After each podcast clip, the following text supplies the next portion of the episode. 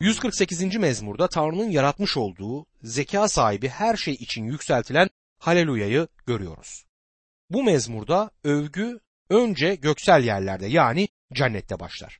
Tanrı'nın gökte ve yeryüzünde yaratmış olduğu zeka sahibi her şeyin Tanrı'yı övmeye başladığı an gerçekten muhteşem olacaktır. En büyük kusursuz haleluya korosu işte o zaman işitilecektir. 148. mezmur 1 ila 3. ayetler arasında Rabbe övgüler sunun. Göklerden Rabbe övgüler sunun. Yücelerde ona övgüler sunun. Ey bütün melekleri ona övgüler sunun.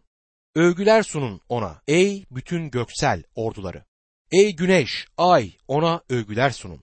Övgüler sunun ona ey ışıldayan bütün yıldızlar diyor. Övgü göklerin en yükseğinden üçüncü cennette başlar. Orada Mesih imanları sanırım bulunacaktır. 148. mezmur 11 ila 13. ayetler arasında yeryüzünün kralları, bütün halklar, önderler, yeryüzünün bütün yöneticileri, delikanlılar, genç kızlar, yaşlılar, çocuklar Rabbin adına övgüler sunsunlar. Çünkü yalnız onun adı yücedir. Onun yüceliği yerin, göğün üstündedir diyor. Yalnız göksel yerlerde değil, aynı zamanda yeryüzünde de onun yaratmış olduğu zeka sahibi her yaratık ona övgü sunacaktır. Burada doruklara çıkmak için hazırlık başlar ve sonunda tüm gökyüzü ve tüm yeryüzü onu övecektir. 149. mezmura geldiğimizde kurtulmalık kan sayesinde ve güç ile verilecek yargı ile Tanrı egemenliği geldiği için haleluya yükseltildiğini görürüz. 149. mezmur 1. ayet Rabbe övgüler sunun. Rabbe yeni bir ezgi söyleyin. Sadık kullarının toplantısında onu ezgilerle övün der. Daha önce yeni ilahinin ne olduğuna baktık. Vahiy kitabında bu ilahiden söz edilmektedir. Yeni ilahi Rab İsa Mesih'in bizi kurtardığını dile getiren bir ezgi olacaktır. 149. mezmur 2. ayette İsrail yaratıcısında sevinç bulsun. Siyon halkı krallarıyla coşsun der. O bizim kurtarıcımızdır. Ama unutmayalım ki aynı zamanda da yaradanımızdır. Onu hem kurtarıcı hem de yaradan olarak övmeliyiz. Bir dağa tırmanırken, bir çay kenarında otururken ilkbaharın kokusunu ciğerlerimize çekerken onu övmeyi unutmamalıyız. Uçakla seyahat ederken Rabbin yaratıcı özelliğini düşünüp onu övmek sanırım uygun bir zaman olur. Şimdi ulusların yargılanışına geldik. 149. mezmur 6 ila 9. ayetler arasında ağızlarında Tanrı'ya yüce övgüler. Ellerinde iki ağızlı kılıçla uluslardan öc alsınlar. Halkları cezalandırsınlar. Krallarını zincire, soylularını prangaya vursunlar. Yazılan kararı onlara uygulasınlar. Bütün sadık kulları için onurdur bu. Rabbe övgüler sunun der.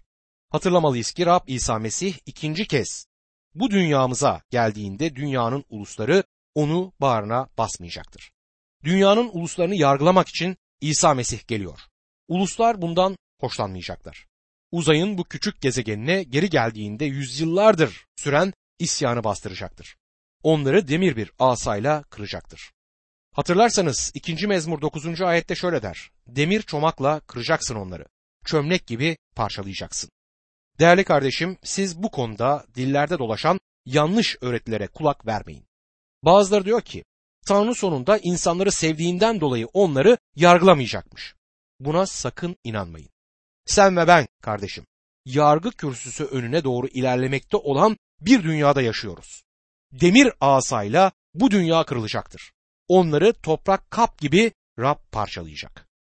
150. mezmura geldiğimizde Haleluya korosunun doruk noktasını görüyoruz. Koro ve orkestra ile söylenen bir mezmurdur 150. mezmur. 150. mezmur 1 ile 6. ayetler arasında şöyle yazar. Rabbe övgüler sunun. Kutsal yerde Tanrı'ya övgüler sunun. Gücünü gösteren göklerde övgüler sunun ona. Övgüler sunun ona güçlü işleri için. Övgüler sunun ona eşsiz büyüklüğüne yaraşır biçimde. Boru çalarak ona övgüler sunun. Cenkle ve lirle ona övgüler sunun. Tef ve dansla ona övgüler sunun. Saz ve neyle ona övgüler sunun. Zillerle ona övgüler sunun. Çınlayan zillerle ona övgüler sunun. Bütün canlı varlıklar Rabbe övgüler sunsun. Rabbe övgüler sunun. Tapınma nedir? İlk olarak kime tapındığımızı düşünelim. Bunu tam anladığımız zaman genel bir yanıt vermemiz gerekir. Tapınma nedir? Madem ki 150. mezmuru çalışıyoruz, bu soruyu yanıtlamak için 150. mezmurdaki şu ifadeye bakalım.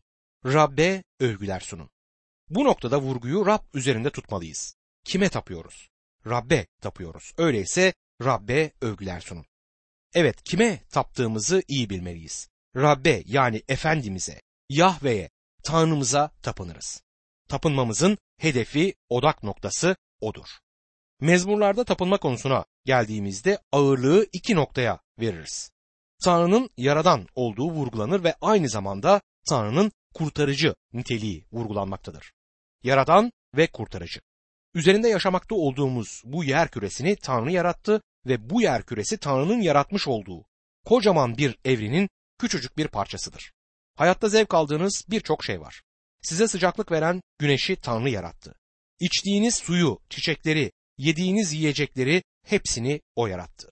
Elinin değebileceği her şeyi Tanrı yarattı ve onun yaratmamış olduğu hiçbir şeyi gösteremezsiniz. Sırf yaradan olduğu için Tanrı tapılmaya layıktır. Aynı zamanda Tanrı kurtarıcımız olduğu için tapınılmaya layıktır. Ondan başka yaradan, ondan başka kurtarıcı yoktur. Onunla rekabet edebilecek hiç kimse yoktur. Yaratma konusunda ve kurtarma konusunda tüm ayrıcalık ondadır. Bundan dolayı yarattığı her canlıdan kendisine tapınmasını, hayran kalmasını ve kendisine yücelik vermesini talep eder. Kutsal yazılar bize Tanrımızın kıskanç bir Tanrı olduğunu bildirir. İnsan karakterinde kıskançlık iyi bir şey değildir. Çünkü insan bencilliğin güdüsüyle kendisine ait olana sarılmak ister ve başkasının daha iyi şeylere sahip olmasını istemez. Tanrımız kıskançtır. Tanrı kıskançtır dediğimizde adil bir kıskançlık söz konusu olur. Bizi yaradan bu üstün Tanrı'ya övgü, yücelik ve saygı vereceğimiz yerde onun gölgesine bile yanaşmayan şeylere aynı övgüyü ve yüceliği verecek olursak onun kıskanmasını eleştiremeyiz. Tanrı bu konuda yani kıskanç olduğu konusunda bizden hiçbir zaman özür dilemez. İnsanlar arasındaki ilişkilere baktığımızda bir erkeğin kendi karısını başkasıyla paylaşması mümkün görünmez. Kesinlikle bu olmaz değil mi? Karısını seven bir erkek hiçbir zaman ve kesinlikle karısını başka bir erkekle paylaşmaz. Tabii ki onu kıskanır. Tanrı ile ona bağlı olanların arasındaki bağlar evlilik bağlarından daha sıkı ve daha kutsaldır.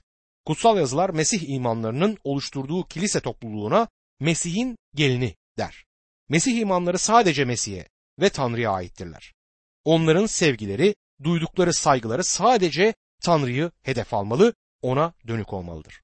Sadece Tanrı'yı övmelidirler. Vahiy kitabında elçi Yuhanna Patmos adasında Rab'den bir vahiy aldığında bir melek ona görünmüştü. O kadar görkemliydi ki Yuhanna hemen meleğin önünde yere kapanıp ona tapınmak istedi. Ama melek onu engelleyip bunu sakın yapma. Tanrı'ya tapın dedi. Kendi elleriyle yarattığı melekleri her ne kadar görkemli olsalar da onlara bile Tanrı tapınılmasını istemez. Meryem Ana'ya tapınılmasını istemez. Kendisinden başka kimseye tapınılmasını Tanrı istemez. Sadece Tanrı tapınılmaya layıktır. Kutsal yazı ileride bir gün gelecek, nefesi olan her şey ona tapacak ve ona övgü sunacaktır der.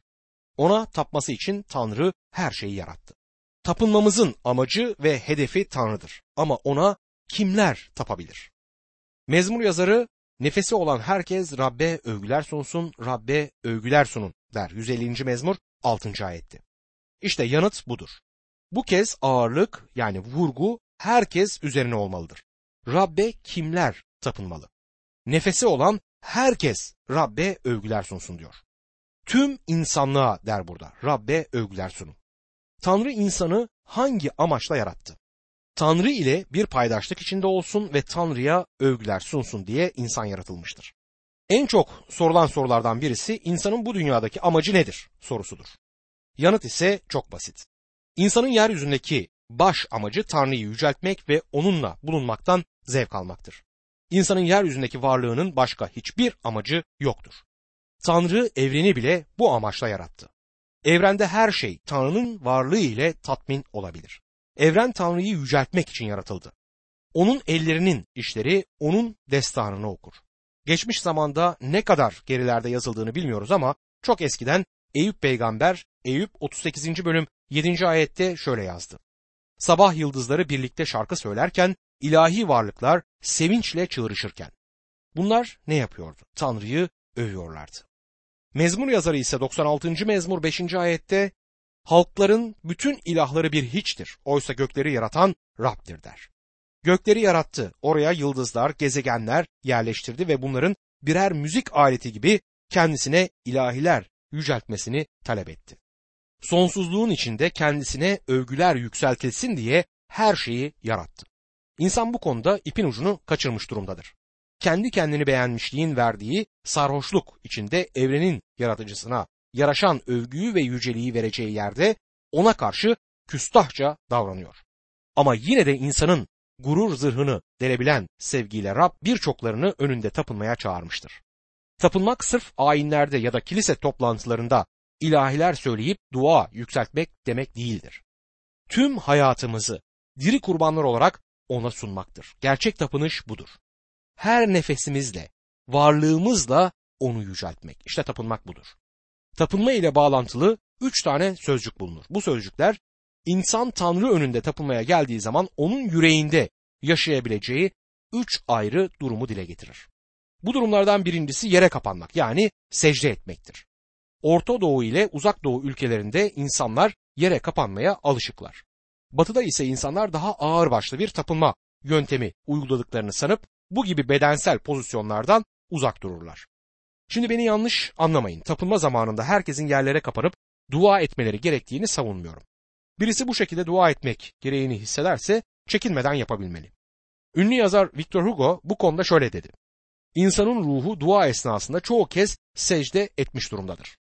Vahiy kitabında cennet hakkında fazla kesin bilgi edinemiyoruz ama bu kitapta cennete açılan o ruhsal pencereden baktığımız zaman her defasında ya insanların ya da meleklerin Tanrı önünde secde etmek amacıyla yere kapandıklarını ya da secde kılmış olanların yerden kalktıklarını görüyoruz. Sevgili dostum Tanrı'ya tapınmaktan hoşlanmıyorsanız korkarım cennetten de hoşlanmayacaksınız. Çünkü cennette en çok yapılan şey tapınma olacaktır. Çoğu kez herkes Tanrı'ya tapınır hem de secde ederek. Sevgili kardeşim bugün bu şekilde tapınmaya ihtiyacımız var. Ruhsal yaşamım biraz bayatlaşmaya başladığı zaman yalnız başıma Rabbin önüne gelip yüzüstü yere kapanıp bütün sorunlarımı, bana acı veren her şeyi, günahlarımı hep onun önüne getirip dökerim. Yüreğimde olanı ona söylerim. Dostum son defa ne zaman bu şekilde Rabbe geldiniz? Ya da daha basit bir şey sormalıyım. Son olarak ne zaman dua ettiniz? Bizim için çok yararlı olur dua etmek. Bazen buzluktan çıkmış gibiyiz. Ama dua zamanımızda o buzlar çözülür.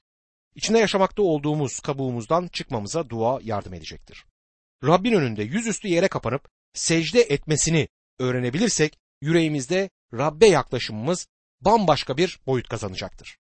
Tapınma ile bağlantılı ikinci sözcük hayran olmak sözcüğüdür. Sana hayranım sözünü sevdiğimiz ya da takdir ettiğimiz kişiler için kullanıyoruz. Öyleyse bunu Rab için neden kullanmayalım? Şu sözdeki yoğun duygulara bakalım. 96. mezmur 9. ayet. Kutsal giysiler içinde Rabbe tapının. Titreyin onun önünde ey bütün yeryüzündekiler. Ve yine mezmur yazarı 107. mezmur 1 ve 2. ayetlerde diyor ki Rabbe şükredin çünkü o iyidir. Sevgisi sonsuzdur. Böyle desin Rabbin kurtardıkları. Düşman pençesinden özgür kıldıkları. Sevgili dinleyicim, tapınmak bir aşk macerasıdır. Tanrı'ya sevgimizi ilan etmektir.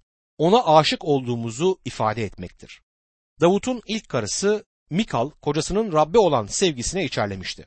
Kral Davut Rabbin sandığını Yaruşilim'e getirdiği zaman 2. Samuel 6. bölüm 15 ve 16. ayetlerde Davut'la bütün İsrail halkı sevinç naraları ve boru sesi eşliğinde Rabbin sandığını getiriyorlardı. Rabbin sandığı Davut kentine varınca Saul'ün kızı Mikal pencereden baktı. Rabbin önünde oynayıp zıplayan Kral Davut'u görünce onu küçümsedi der. Davut'un karısı gerçekten içerlemişti. Davut onun gözünde küçük göründü. Ama o çok büyük bir tapınmacıydı. İşte böyle kutsal bir Tanrı'ya tapınmaya çağrıldık.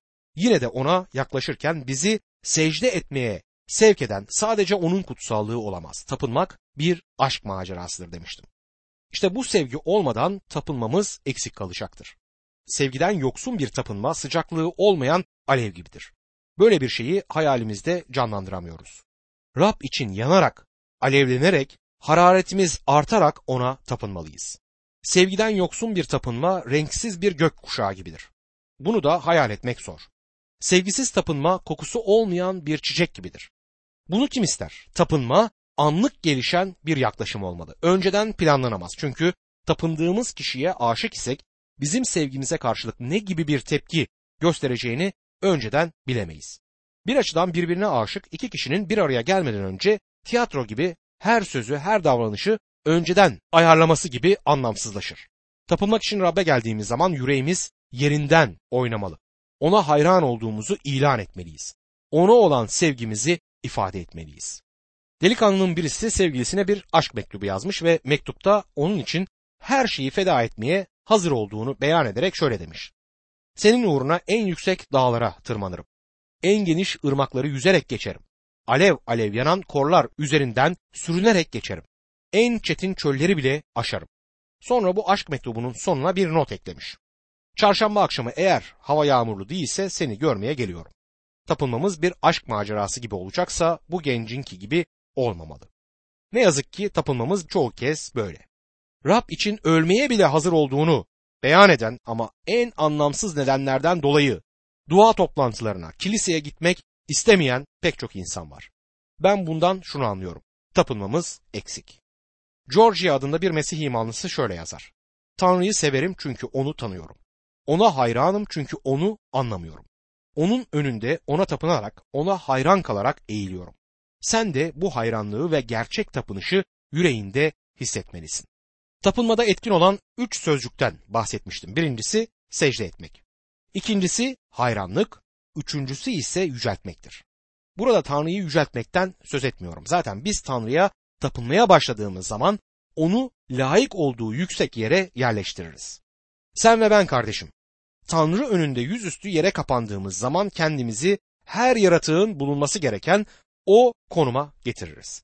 Yani tapınmada Tanrı zaten yüceltilir. Ben insanın konumundan söz etmekteyim. İnsan Tanrı'nın ona vermiş olduğu ilk konuma yükseltilmelidir. İnsanlık tarihinde birçok felsefe akımı insanı etkiledi. Bu akımlar arasında hümanizm denilen bir düşünce akımı insanı gerilere, ormanlara taşıdı. İnsanı insanlıktan çıkarıp hayvan durumuna getirmiştir. Tanrı'nın insan için amaçladığı yüksek konumdan çok aşağılara getirdi bu düşünceler insanı. Gerçekten aşağılayıcı bir düşünce. Hitler ve tüm Nazi hareketini yola çıkaran yine bu hümanist düşüncedir. Milyonlarca insan bu düşünceden dolayı insanlıktan çıktı ve milyonlarca Yahudinin haşereler gibi görülmesine neden oldu. Haşere ne yapılmalıdır? Yok edilmeli. 6 milyon Yahudi de haşere gibi yok edildi. Bunu yapan hümanizm denilen bu düşünce akımıdır. İnsanı bu aşağı duruma getiren, insana gerçek saygınlığı veren, onu yaraştığı konuma en çok yükselten şey tapınmaktır. Harry Emerson Fosdick İsa'ya tapınmanın tehlikesi adlı kitabında şöyle yazar. İnsanlar iki yoldan İsa'yı ortadan kaldırmaya giriştiler. Birisi ilk olarak onu çarmıha germekle. Diğeri ise ona yapılması gereken tapınma yoluyla. Liberal görüşlü insan hiç kimsenin Rab İsa Mesih'e tapılmasını istemez. Doğaya, toprağa hatta hayvanlara bile tapınılmasına bir şey demezken İsa Mesih'e tapınma noktasında küplere biner. Ben ona tapınmaya bayılıyorum. O benim Rabbimdir. O benim Tanrım. Onun önünde yüzüstü yere kapanıp onun önünde secde kılmak beni asla aşağılamaz. Tersine beni yüksek bir konuma yerleştirir. Elçilerin kitabında Tarsuslu Saul Şam yolunda diri Rab ile yüz yüze gelince yerin tozuna kapandı. Onun önünde bu duruma kendisi düştü ama Rab ona kendisini açıkladıktan sonra ayağa kalkmasını söyledi. İnsanı yerin tozundan alıp da ayağa kaldıran yalnızca Mesih inancıdır. Vahiy kitabında da tapınma pozisyonunda bir başka kişiyi görüyoruz. Orada Patmos adasında elçi Yuhanna yüceltilmiş olan Rabbimizi gördüğünde ne yaptığını şöyle yazar. Onu gördüğüm zaman ayaklarının dibine ölü gibi yığıldım. O ise sağ elini üzerime koyup şöyle dedi. Korkma, ilk ve son benim, diri olan benim. Ölmüştüm ama işte sonsuzlar boyunca diri kalacağım. Ölümün ve ölüler diyarının anahtarları bendedir. Vahiy 1. bölüm 17 ve 18. ayetlerde bunu okuyoruz. Evet Rab bize de korkma der. Şimdi yaratık yaradanına korkmadan gelebilir. Günahları içinde kaybolmuş olan, ahlaki ve ruhsal açıdan en aşağı konuma inmiş olan insan şimdi İsa Mesih'in kanı sayesinde yükseklerde, göksel yerlerde Mesih ile birlikte oturtulmuştur. Ve orada Rabbe tapınabilir. Ona övgüler yükseltebiliyor.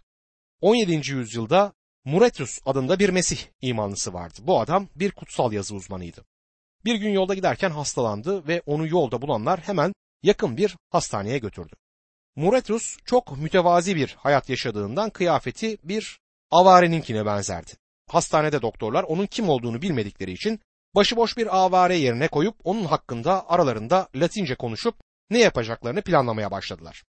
Bu değersiz yaratık üzerinde bazı deneyler yapabiliriz diye onu bir deney hayvanı gibi kullanmayı tasarlıyorlardı. Muretus bir uzman olarak Latinceyi iyi bildiğinden konuşulanları anladı ve onlara yine Latince olarak şöyle dedi. İsa Mesih'in hiç çekinmeden hayatını verdiği bir kişiye nasıl değersiz diyebilirsiniz? Değerli kardeşim, insanı bulunduğu bu durumdan alıp yükseklere göksel yerlere çıkarabilen tek bir kişi vardır, o da İsa Mesih'tir. İnsan onun için Tanrı tarafından belirlenen yüksek konuma daha erişmemiştir. Daha cennet ile uyum durumuna girmedik. Ama ileride bu gerçekleşecek. 150. mezmurda tüm güçle Rabbe övgüler yükseltilir. Rabbe övgüler sunun. Kutsal yerinde Tanrı'ya övgüler sunun. Övgüler sunun ona yüce göklerinde. Sonra bu övgünün nasıl sunulacağı konusunda bizlere bilgi verilir. Boruç alarak ona övgüler sunun. Cenkle ve lirle ona övgüler sunun. Tef ve dansla ona övgüler sunun. Saz ve kavalla ona övgüler sunun. Çınlayan zillerle ona övgüler sunun. Evet, çınlayan zillerle ona övgüler sunun. En son kimlerin bunu yapması gerektiğini belirtir. Nefesi olan herkes Rabbe övgüler sunsun. Rabbe övgüler sunun. Bunu hem dilimizle hem de yüreğimizle yapmalıyız. Şimdi bu son mezmuru olduğu gibi tekrar okuyalım. Rabbe övgüler sunun. Kutsal katında Tanrı'ya övgüler sunun. Övgüler sunun ona, gücünü gösteren göklerde. Övgüler sunun ona, güçlü işleri için. Övgüler sunun ona, eşsiz büyüklüğüne yaraşır biçimde. Boruç alarak ona övgüler sunun. Cenkle ve lirle ona övgüler sunun. Tef ve dansla ona övgüler sunun. Saz ve kavalla ona övgüler sunun. Zillerle ona övgüler sunun. Çınlayan zillerle ona övgüler sunun.